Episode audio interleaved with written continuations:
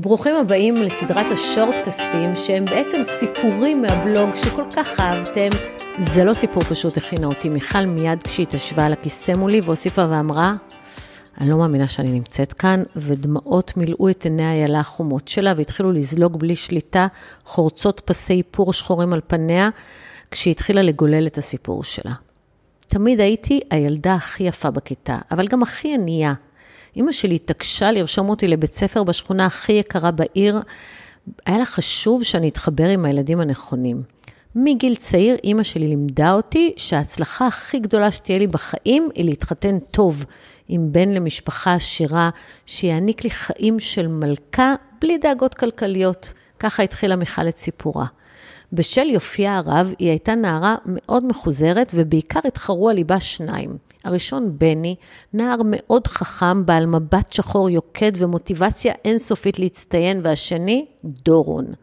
נער גבוה וחתיך, ואז מבט שהיה משוכנע שהעולם כולו מחכה לו בזרועות פתוחות, וממש לא צריך להתאמץ.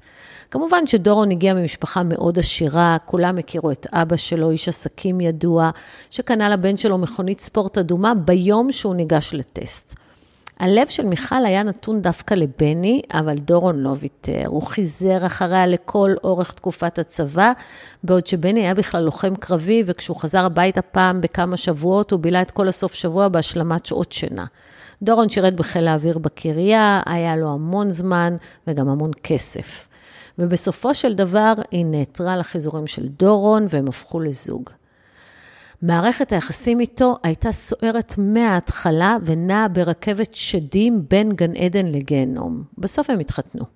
הצעת הנישואים הגיעה כשהרכבת עצרה לזמן מה בתחנת גן עדן, ומיכל הייתה אופטימית מספיק בשביל להאמין שהנישואים יעצרו את רכבת השדים הזו, והיא תישאר בגן עדן. את החתונה בגן האירועים הכי יוקרתי בארץ מימנו ההורים שלו. היא עלתה הון והייתה חלומית, ומיכל הרגישה ממש נסיכה מהאגדות. ההורים של דורון ידעו שההורים שלה לא יכולים לממן את העלויות ולא ביקשו שום דבר חוץ מהסכם ממון. ומיכל הייתה כל כך אסירת תודה על החתונה, שהיא אפילו לא קראה את הסכם הממון שקבע הפרדה רכושית מוחלטת, אלא אם יש ילדים, ואז היא תקבל דירת שלושה חדרים לילד אחד, ועל כל ילד נוסף עוד חדר. אבל את כל זה מיכל לא ידעה כשהיא חתמה. הרכבת חנתה בגן עדן עם גיחות קצרות לגיהנום עד ההיריון הראשון פחות או יותר. ואז דורון התחיל לבגוד בה. כשהיא תפסה אותו מתכתב הוא הכחיש, אמר זה כלום, שום דבר, ושהיא הורמונלית, ומה היא רוצה ממנו בכלל, ומיכל בחרה להאמין. שנה אחרי הלידה היא ירתה שוב, וככה היא מצאה את עצמה עם שני תינוקות ובעל שלא נמצא בכלל בבית. הייתה לה הרבה עזרה מצד מנקה ואופר שגרה איתם בווילה שההורים שלו קנו, והחיים שלה היו מושלמים מבחוץ, אבל מבפנים מיכל דיממה. דורון השפיל אותה, והקטין אותה, והעליב אותה, והתנהג אליה בגסות רוח, ואז באהבה וחוזר חלילה. זה היה ככה, את שמנה, תראי איך את נראית, את סתומה, את אהבת חיי, אני מטורף עלייך, אני חולה על הגוף שלך. לכי, לכי, העקומה, אי אפשר לסמוך עלייך, את לא יודעת להיות אימא, את אפס מאופס. אין נשים כמוך. את מדהימה, את החיים שלי, את המזל שלי, את האור של העיניים שלי, אין ולא תהיה אף אחת אחרת. לכי, לכי, מי ייקח אותך? את מוזנחת, את דאויה, את נראית משומשת. אופי, אופי לי מהעיניים, סתמי את הפה שאני מוריד לך אחת. ואז הייתה את הפעם ההיא שהוא באמת הוריד לה אחת. והיא נסגרה בחדר שבת שלמה עם הילדים, והוא התחנן ובכה וביקש סליחה, ונשבע שבחיים, בחיים זה לא יקרה יותר. ואמר שהוא דפוק וחולה בראש, והיא מלאכית ואין נשים כמוה, ובסוף היא יצאה מהחדר. הם חזרו לשגרה, ובשביל לפצות אותה, הוא הזמין להם טיסה לניו יורק בביזנס, והילדים נשארו אצל ההורים שלו עם האופר. במטוס לניו יורק, שעתיים לפני הנחיתה, השירותים של הביזנס היו דפוסים, והלכה לשירותים של מחלקת תיירים, וגם שם היה תור. אבל פתאום היא ראתה איש קרח, עם עיניים שהיא מכירה מפעם, בני. בני? היא שאלה בשקט, והוא הניח עליה את מבטו ואמר, וואי, וואי, אני לא מאמין שזכרת אותי, עברו המון שנים. והם דיברו כמה משפטים, הוא סיפר שהוא נוסע לבקר את אחותו שעברה לחיות במנהטן, ואחרי כמה דקות בני חזר למושב שלו במחלקת תיירים, ומיכל חזרה לדורון בביזנס, אבל המבט של בני נשאר איתה כל השבוע בניו יורק, והוא לא יצא לה לא מהראש ולא מהלב. היא חיפשה אותו בפייסבוק והיא שלחה לו חברות, אבל הוא לא הגיב ולא ממש היה פעיל בפייסבוק, והתחילה לחפש אותו בכל הפלטפורמות, ובסוף היא מצאה אותו רק בלינקדאין, ולמדה שהוא חלק מהסגל של הפקולטה להנדסה, ומרצה בכיר, וזהו. לא הייתה עליו כל אינפורמציה, ומיכל הניחה לזה. שבוע אחרי שהם חזרו לארץ, הוא אישר את החברות שלה בפייסבוק, אבל לא שלח כלום ולא תקשר איתה. למרות זאת, העיניים שלו לא יצאו לה מהלב. במקביל, וקצת אחרי שהם חזרו מניו יורק, בעלת דורון העלה אותה על רכבת השדים שהתחילה לדהור במהירות מגן עדן לגיהנום, ובחזרה שוב ושוב, והוא הגביר את המהירות ועשה תחנות ארוכות יותר ויותר בגיהנום. בסוף שבוע אחד, שדווקא היה טוב, הם הלכו לים, והוא נכנס לגלוש והשאיר את הטלפון שלו בתיק, ומשהו גרם לה להוציא אותו ולחטט. את הסיסמה החדשה היא ניחשה בקלות יחסית, ועד מהרה היא הרגישה איך הדם עוזל לה מהגוף. הוא ניהל התכתבות מסיבית עם אישה אחרת, והיה לה ברור שיש שם רומן, ושהוא מאוהב בה וגם מעביר לה כספים. היא עשתה לו סצנה כשהוא יצא מהמים, אבל הוא ממש לא התרגש. אז מה? אז ראיתי התכתבות איתה, בואי, בואי. בואי נחזור הביתה חתיכת סמרטוט. בבית הוא חטף התקף זעם מהגיהנום. מיד שתגיעי לי בטלפון, כלבה, שרמוטה, אני אעשה מה שאני רוצה, אני אתכתב עם מי שאני רוצה, אני אדבר אלייך איך שאני רוצה. יודעת למה? כי את לא תלכי, כי אין לך לאן ללכת, כי אין לך שקל על התחת. לאן תחזרי בדיוק? לדירה המסריחה של ההורים שלך? לחור שממנו הוצאתי אותך? לא, את לא תחזרי לשם, אין סיכוי. את התרגלת לחיים הטובים, את לא תלכי לשום מכות. את יודעת למה ביונסה לא התגרשה שג'ייזי בגד בה? כי היא זקנה. ככה זה. את לא תתגרשי ממני ולא תגידי לי מה לעשות, גם את כבר זקנה ודאויה. התקף זעם, כמו כל סכנה שמאיימת עלינו, יכול לגרור כמה תגובות שכולן מוטמעות לנו איפשהו ב-DNA. fight, flight or freeze. היא לא החזירה לו ולא ברחה ממנו. לא fight ולא flight. היא קפאה על מקומה וניתקה את עצמה מהסיטואציה.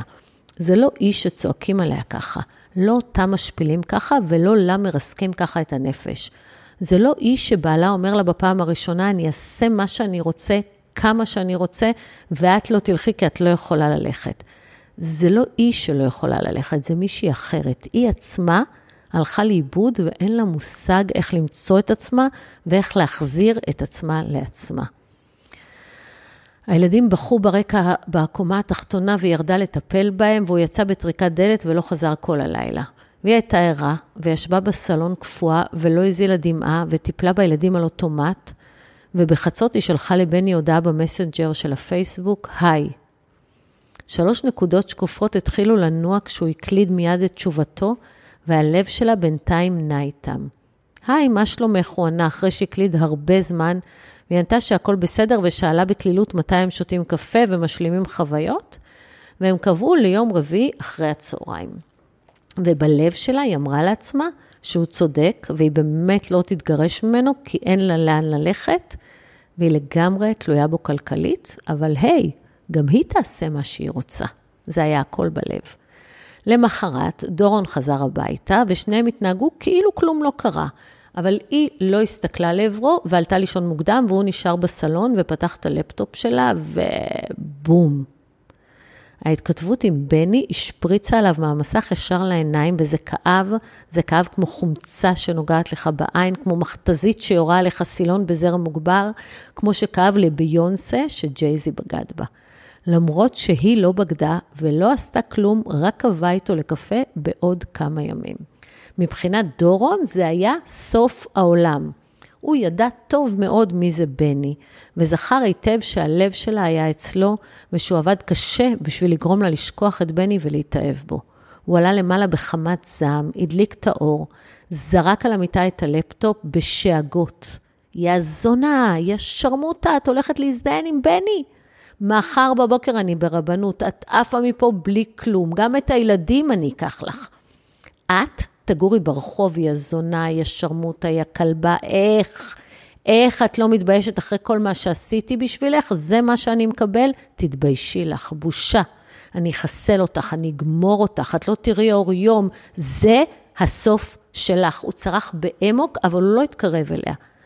ההתקף הזה נמשך כמעט חצי שעה וחזר על עצמו בווריאציות שונות, ומיכל שוב קפאה וניתקה את עצמה מהסיטואציה וראתה הכל בהילוך איטי, עד שהדלת בחדר שינה נפתחה, ובפתח עמדו שוטר ושוטרת. בדיעבד מסתבר שהאופר שמעה הכל ופחדה שזה ייגמר ברצח, והזמינה משטרה והם הגיעו הביתה והכניסה אותם וכיוונה אותם לחדר שינה, והם שמעו אותו צורח ומקלל ומאיים על החיים שלה, ולמרות שהיא אמרה שהוא לא נגע בה, השוטרים עצרו אותו במקום. את הלילה מיכל בילתה בחיפוש מסמכים בחדר העבודה שלו. היה לה ברור שהיא לא נשארת איתו יותר, גם אם היא צריכה לגור ברחוב. החבית שלה התמלאה. וכשהגיעה אליי למחרת, היא אפילו לא קראה את הסכם הממון ולא ידעה שבכלל מגיע לה דירת ארבעה חדרים ומזונות גבוהים. תוך כדי הפגישה איתי, אימא שלו מתקשרת אליה ואומרת לה שדורון שוחרר בערבות ויש לו צו הרחקה ממנה, ושהיא מבקשת שתדאג שיסגרו לו את התיק במשטרה ושלא תתלונן עליו. ושהיא אישית, האימא, תדאג לה להסכם גירושים מכובד ותדאג לנכדים, ואמרה שהם יודעים מה היא עברה איתו, ושהם יעשו הכל בשביל לסגור בטוב, בלי משטרות ובלי עניינים. זה ממש ממש לא מתאים במשפחה שלהם, האירוע הזה. טוב, זה לא קרה מיד. אחרי משא ומתן לא קצר, הם חתמו השבוע על הסכם מכובד והתגרשו, ועוד באותו ערב היא נפגשה עם בני, שחיכה לה בסבלנות, על הבר של שילה עם שתי כוסות שמפניה. תודה שהאזנתם לשורטקאסט. אם מצאתם ערך או סתם היה לכם ממש מעניין, אני אשמח אם תעבירו אותו למישהו שיהנה ממנו גם. תודה.